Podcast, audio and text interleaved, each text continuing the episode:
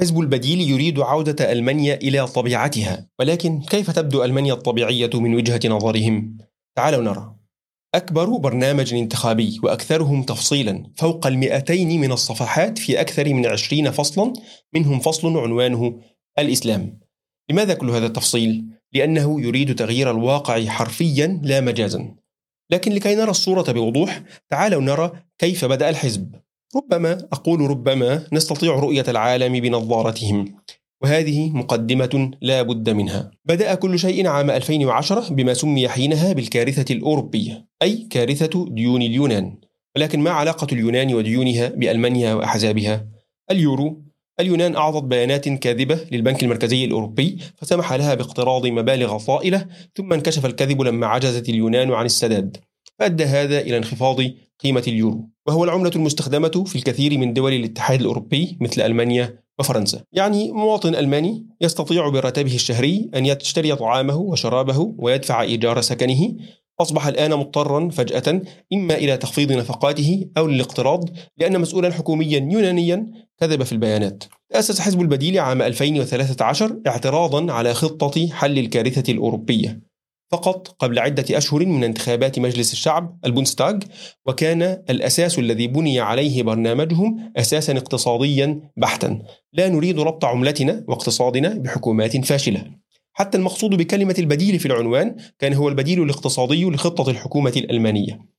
واستطاعوا في أشهر قليلة أن يكون لهم مرشحون في كل الدوائر الانتخابية وكذلك في الانتخابات المحلية. لكن هل نجح الحزب في الوصول للبرلمان الألماني عام 2013؟ ولا كرسي. لماذا؟ لأن الحزب انقسم قبل الانتخابات بين مجموعتين. المجموعة المؤسسة للحزب بقيادة برند لوكا والتي تركز فقط على الإصلاحات الاقتصادية المطلوبة للاتحاد الأوروبي والمجموعة القومية الأخرى بقيادة فراوكا بيتري النزاع بين الفريقين انتهى بخسارة برند لوكا واستقالته من الحزب. قبيل الاستقالة أعلنها الرجل. يوجد أعضاء بالحزب يريدون الخروج عن حدود العمل السياسي وإدماج القوى المتطرفة التي لا يعجبها النظام القائم كله من أساسه من خلال توجه قومي. يريد أن يقول توجه نازي. هل كان يقول هذا فقط بعد أن شعر أنه يخسر؟ لا يبدو كذلك. فحتى لجنة حماية الدستور وهي المسؤولة عن التأكد أن الأحزاب لا تدعو للنازية ولا للأفكار المتطرفة قررت وضع الحزب تحت الفحص ووجهت اتهامات بالتطرف لأفروعه في ولايات برلين وتورينغن وقررت اللجنة توسيع الفحص على مستوى الدولة كلها لكنها لم تصل إلى نتائج بعد أو ربما لم تعلنها بعد لكن بعيدا عن لجنة حماية الدستور هل يريد الحزب بالفعل أن يعود بألمانيا إلى فترة النازية؟ أم أن الأمر لا يعد كونهم يريدون حماية ألمانيا من تغيير هويتها وثقافتها؟ هيا بنا نرى برنامجهم ونتبع القاعدة العادلة. اسمعوا منا ولا تسمعوا عنا. والرابط لبرنامجهم في التعليقات لمن أراد الاستزادة. وللعلم فهذه الحلقة سأكتفي فيها فقط بعرض النقاط بغير نقاش مفصل لها وبناء على ردودكم في التعليقات سأقوم بمناقشة المواد مناقشة تفصيلية. والاستثناء في هذا هو باب الإسلام. العنوان كما قلنا هو ألمانيا لكن على طبيعتها. فما هو المخالف لطبيعتها تحت نظام الحكم الحالي؟ لن تبحث كثيرا حتى تجد الإجابة فهي في الجملة الأولى في الصفحة الأولى من البرنامج. يقول الحزب الحكومة الفيدرالية وحكومات الولايات خرقت القانون والدستور وقواعد الحكم في الدولة بأكثر من وجه في تعاملها مع اللاجئين والاتحاد الأوروبي وسياسات كورونا. اللاجئين والاتحاد الأوروبي وسياسات كورونا. من هنا نبدأ ولكن ليس بهذا الترتيب بالضبط. فكيف يريد الحزب إصلاح ما أفسدته الحكومة الحالية؟ الحزب يريد إعادة التجنيد الإجباري في ألمانيا بعد أن ألغي عام 2011 ليس للرجال فقط بل للنساء كذلك ربما ولكن ما حاجة ألمانيا إلى زيادة عدد المجندين إذا لم يكن لديها حدود مغلقة مع أي من جيرانها إذ كلهم أعضاء في الاتحاد الأوروبي باستثناء سويسرا التي لا يكاد يكون لها جيش وهي أيضا تفتح حدودها مع ألمانيا كذلك لأن الحزب يريد إغلاق كل تلك الحدود ولكن ماذا عن اتفاقيات الاتحاد الأوروبي؟ بسيطة الحزب يريد الخروج من الاتحاد الأوروبي وفي أسرع وقت ممكن ولكن لماذا؟ يقولون لإقامة دولة قومية ذات سيادة يمارس فيها الشعب سيادته ولكن لماذا كل هذا العناء؟ لماذا يريدون الخروج من الاتحاد الأوروبي وكذلك يريدون الخروج من عملة اليورو بما يعني انهيارها طبعا؟ السبب الذي يسوقه الحزب هو منع ذوبان الهوية الألمانية بالهوية الأوروبية والتوقف عن تبني سياسة مالية وخارجية موحدة مع دول الاتحاد الأوروبي. ولكن ماذا يعني ذوبان الهوية الألمانية؟ من هم الذين يحق لهم تعريف أنفسهم كألمان؟ الذين يقرر حزب البديل أنهم ألمان وماذا عن الناس الذين يأتون من الخارج ويريدون العيش في ألمانيا؟ يبدأ الحزب بأنه يريد منع المولودين في ألمانيا من الحصول على الجنسية الألمانية وهذه بداية غريبة جدا لأن ألمانيا لا تمنح حق التجنس بالمولد إلا في حالات استثنائية نادرة أما هؤلاء الذين يريدون الهجرة لألمانيا للحصول على اللجوء الإنساني بما يمكنهم بعد ذلك من الحصول على الجنسية الألمانية حزب البديل يرى أنه لا بديل عن منعهم من الوصول. المساعدات الإنسانية يقول الحزب يجب أن تصلهم حيث هم لأنها بهذا الشكل ستصل لعدد أكبر ولن تقتصر على هؤلاء الذين يستطيعون دفع تكاليف السفر إلى ألمانيا. أما لو دفعوا تكاليف السفر بالفعل ووصلوا للحدود فسنعيدهم من حيث أتوا. إلا إذا إلا إذا كنت من هؤلاء الحاصلين على شهادات في تخصصات تحتاجها البلد ربما يتم السماح لك. قد يسمح كذلك لهؤلاء الذين تتفق خلفياتهم الثقافية والدينية مع الثقافة والدين في ألمانيا. الثقافة والدين من وجهة نظر حزب البديل طبعا. أما هؤلاء اللاجئون من مناطق الحروب في الدول الإسلامية سيكون شبه مستحيل عليهم الحصول على حق اللجوء في ألمانيا. لكن هذه القواعد التي يريد الحزب إنشاءها تعارض اتفاقيات جنيف لحقوق الإنسان واللاجئين وكذلك المواد فوق الدستورية. ولكن كما اعتدنا بسيطة. حزب البديل يريد الخروج من اتفاقيات جنيف لحقوق الإنسان ويريد كذلك تغيير المواد فوق الدستورية. كل هذا تحت عنوان إنهاء جنة اللجوء في ألمانيا. وكل هذه الاقتراحات تكاد تتطابق مع اقتراحات حزب NPD القومي الألماني الوريث الشرعي للحزب النازي. وإليكم بعض إعلانات الدعاية لحزب NPD هذا ما يريد الحزب فعله بخصوص اللاجئين. فماذا عن كورونا؟ يبدو لي أنهم معجبون بترامب أو ببوريس جونسون. يقول الحزب الإبقاء على حالة عدم الاستقرار لدى المواطنين عن طريق فرض القواعد التعسفية والإجراءات غير المفهومة والحد من الحقوق الأساسية وتفويض المجالس الإدارية وتجاوز البرلمان أمر لا نقبله. يجب أن ينصب التركيز على تدابير النظافة الطوعية. أما الإجراءات الوقائية فيجب أن يكتفى بفرضها على الفئات الأكثر تعرضا للخطر يعنون كبار السن والمرضى. أما بالنسبة للباقين فلا بد من رفع جميع الإجراءات الوقائية فورا لا لفرض الأقنعة ولا للمسافات الآمنة ولا الإغلاق الكلي ولا الجزئي. هم أصلا يطالبون بلجنة تقص للحقائق للتحقيق في الإجراءات التي تم اعتمادها في العام والنصف السابقين. أما بالنسبة للتعليم فالحزب لا يريد تغيير النظام الثلاثي للمدارس في ألمانيا ولكن يريد وقف وهم التعليم الأكاديمي كما يسمونه بحيث لا يكون التعليم منصبا على تجهيز الطالب للتعليم الجامعي وإنما على تجهيزه لسوق العمل في المجالات الحرفية لكن هذا ليس هو التغيير الوحيد الذي يريدونه وإنما كذلك إنهاء حالة الشعور بالعار في المناهج الدراسية من بعض مراحل التاريخ الألماني. أي مراحل تلك التي يقصدون؟ تعالوا نرى. يقول البرنامج الأصول الثقافية والتقاليد والتاريخ الألماني تمثل أجزاء جوهرية من الهوية الألمانية. حزب البديل سيقف بكل قوة ضد كل المحاولات لإزالة هذه الأجزاء من المناهج أو تزويرها أو حتى تقليل محتواها. بدءا من التعليم الأساسي لابد أن تصبح هذه المواد مفروضة على الطلاب هذا مما يزيد حب الوطن والوعي الثقافي يوضح البرنامج أنه يقصد تحديدا فترة حكم القياصرة فيريد نفي ما نسب إليها من مظالم ويقول إن نظام الحكم الحالي مبني أصلا على الأسس التي وضعها هؤلاء القياصرة جميل ما المشكلة؟ لا مشكلة أتساءل فقط متى سيتوقف التعليم الألماني عن تشويه تاريخ هتلر وادعاء أنه كان ظالما هل يجب حقا أن يتحول إلى مصدر فخر؟ هو والحركة النازية كلها كذلك جزء من التاريخ الألماني. وأخيرا يريد الحزب منع استخدام أي وسائل رقمية في التعليم الأساسي على الأقل حتى الفصل الرابع. أما عن بقية ما يخص الوسائل الرقمية فالحزب يريد ضمان أكبر قدر ممكن من حرية الرأي. هكذا يقولون الحزب يريد ألا يصبح لفيسبوك وغيره من منصات التواصل الاجتماعي الحق في منع الناس من عرض المحتوى الذي يريدون ما دام مسموحا به في البلد التي يستخدم فيها. الظريف في هذا الموضوع أنهم يريدون منع ال fact checker في فيسبوك وهو جزء من برنامج فيسبوك ينصحك بالتحقق من بعض المعلومات في المنشور حينما يبدو لفيسبوك أنه ينشر أكاذيب. وبما أنه يريد منع ال fact checker فهيا بنا نرى بعض ما يكتبه الحزب في برنامجه ويعرضه الفيسبوك على أنه يحتاج للتحقق. الحزب مثلا يقول أنه يريد رفع كفاءة شبكة الإنترنت في ألمانيا ولكن ليس من خلال استخدام شبكات الجيل الخامس لأننا لسنا متأكدين من أنها آمنة للبشر. ويجب أن تخضع لفحص علمي دقيق وتعرض نتائجه على الناس بشفافية. في الوقت نفسه يرفض الحزب اتفاقية البيئة الأوروبية ويريد الانسحاب من اتفاقية باريس للبيئة كترامب لأنه على حد قولهم لم يثبت علميا أن انبعاثات ثاني أكسيد الكربون لها علاقة بالاحتباس الحراري أصلا. الحزب يقول أن الاحتباس الحراري وارتفاع درجة حرارة الأرض قد تكون له آثار جميلة جدا مثل زيادة المساحة الخضراء مثلا. عودة لأرض الواقع. الحزب يريد كذلك العودة لمصادر الطاقة التقليدية مثل الغاز المستورد من روسيا عن طريق نورد ستريم 2 والبترول والفحم كذلك. ثم هو يريد إعادة الحياة للمفاعلات النووية لتوفير الطاقة الكافية مع أخذ أشد الاحتياطات للتأمين.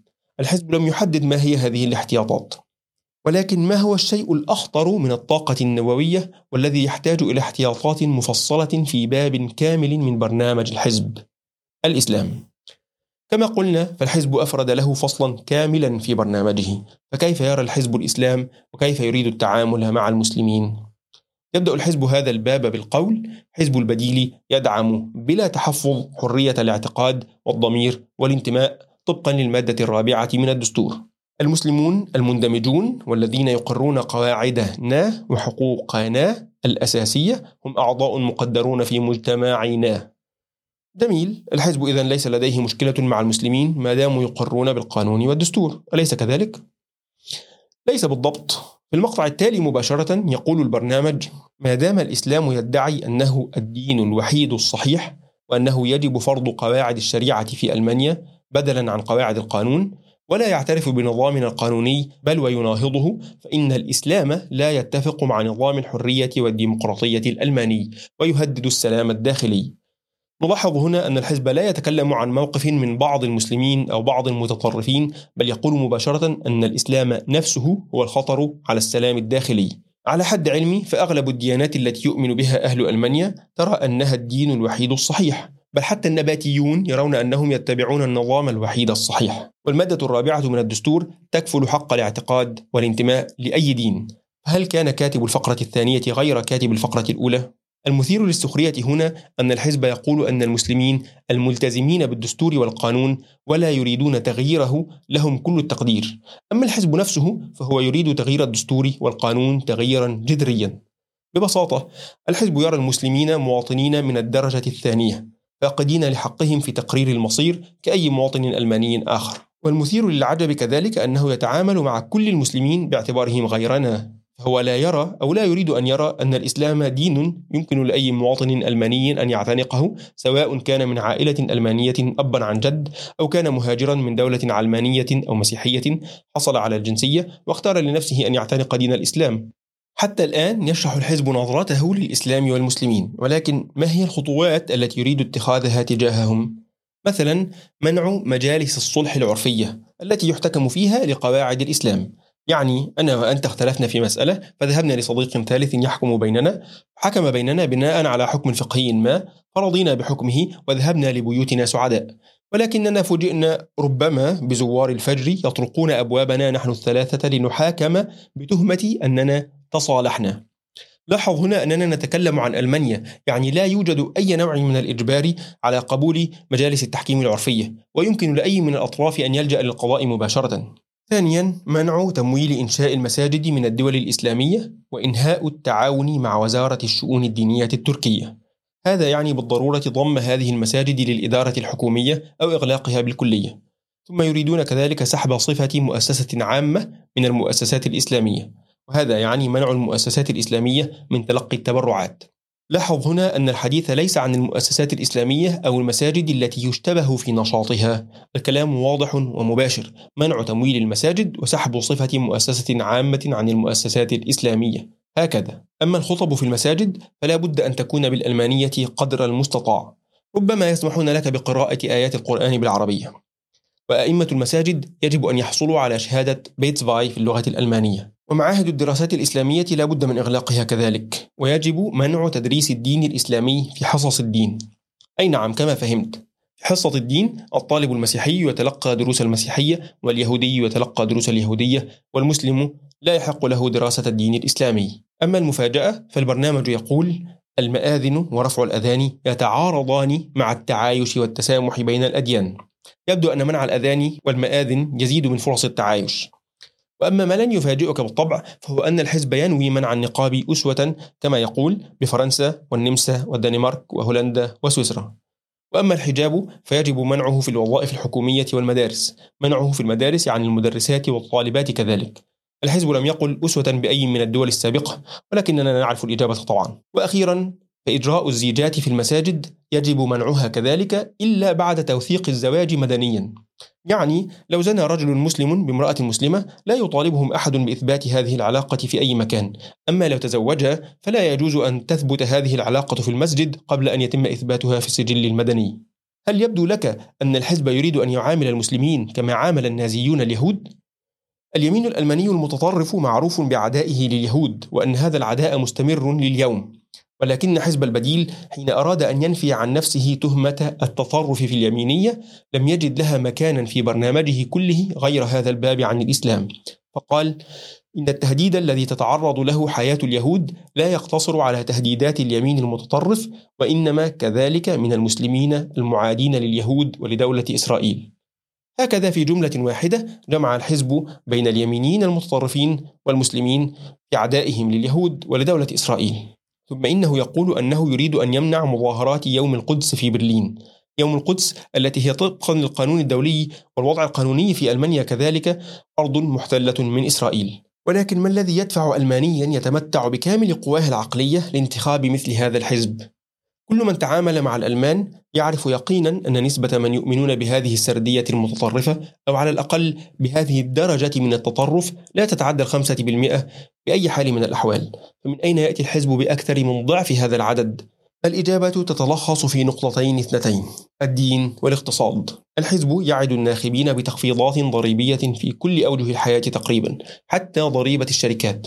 ويمني العاطلين بأنهم سيحصلون على فرص عمل بمجرد منع اللاجئين من الوصول وتقليل فرص الأجانب في الحصول على عمل مقابل الألمان البرنامج الاقتصادي للحزب غير واقعي هو لم يقل من أين سيسد العجز الناتج عن قلة موارد الدولة إن خفضت كل تلك الضرائب هل سيقلل المعاشات للمتقاعدين؟ هل سيوقف منح البطالة بما أنه سيفعل ما في وسعه لتقليلها؟ هل سيوقف الإنفاق على تطوير البنية التحتية؟ لا أحد يعلم وأظن أنه لا أحد في الحزب كذلك يعلم ولكن هذه الوعود تلاقي هوى لدى الناخب الذي يريد أن يلقي باللوم على غيره في ظروف معيشته إما أن الدولة تسرق الضرائب من أموالك بلا عائد أو أن اللاجئ يسرق وظيفتك ومن ثم مالك. وأما من ناحية الدين فالحزب يؤكد على أنه لا يعترف بأي أسرة إلا تلك الأسرة المكونة من أب وأم وأطفال. هذه التعريفات الجندرية واختيار صيغة الخطاب طبقا للتعريف الشخصي لا البيولوجي. كل هذا لا مكان له في الأسرة النموذجية كما يصفها الحزب وهي الأسرة الوحيدة المستحقة للدعم من الحكومات كما يريد البرنامج. هذا أيضا يلاقي هوى عند الكثيرين من الذين يرون أن الساسة يضيعون أوقاتا وأموالا في برامج دعم تعدد الهويات الجنسية وأن الأسرة التقليدية التي تثمر أطفالا يحفظون نسل الألمان أولى بإنفاق الأموال والأوقات لتحسين مستواها وظروفها. وهكذا يجد الحزب أصواتا تكفل له الوصول للبرلمان بنسبة مريحة.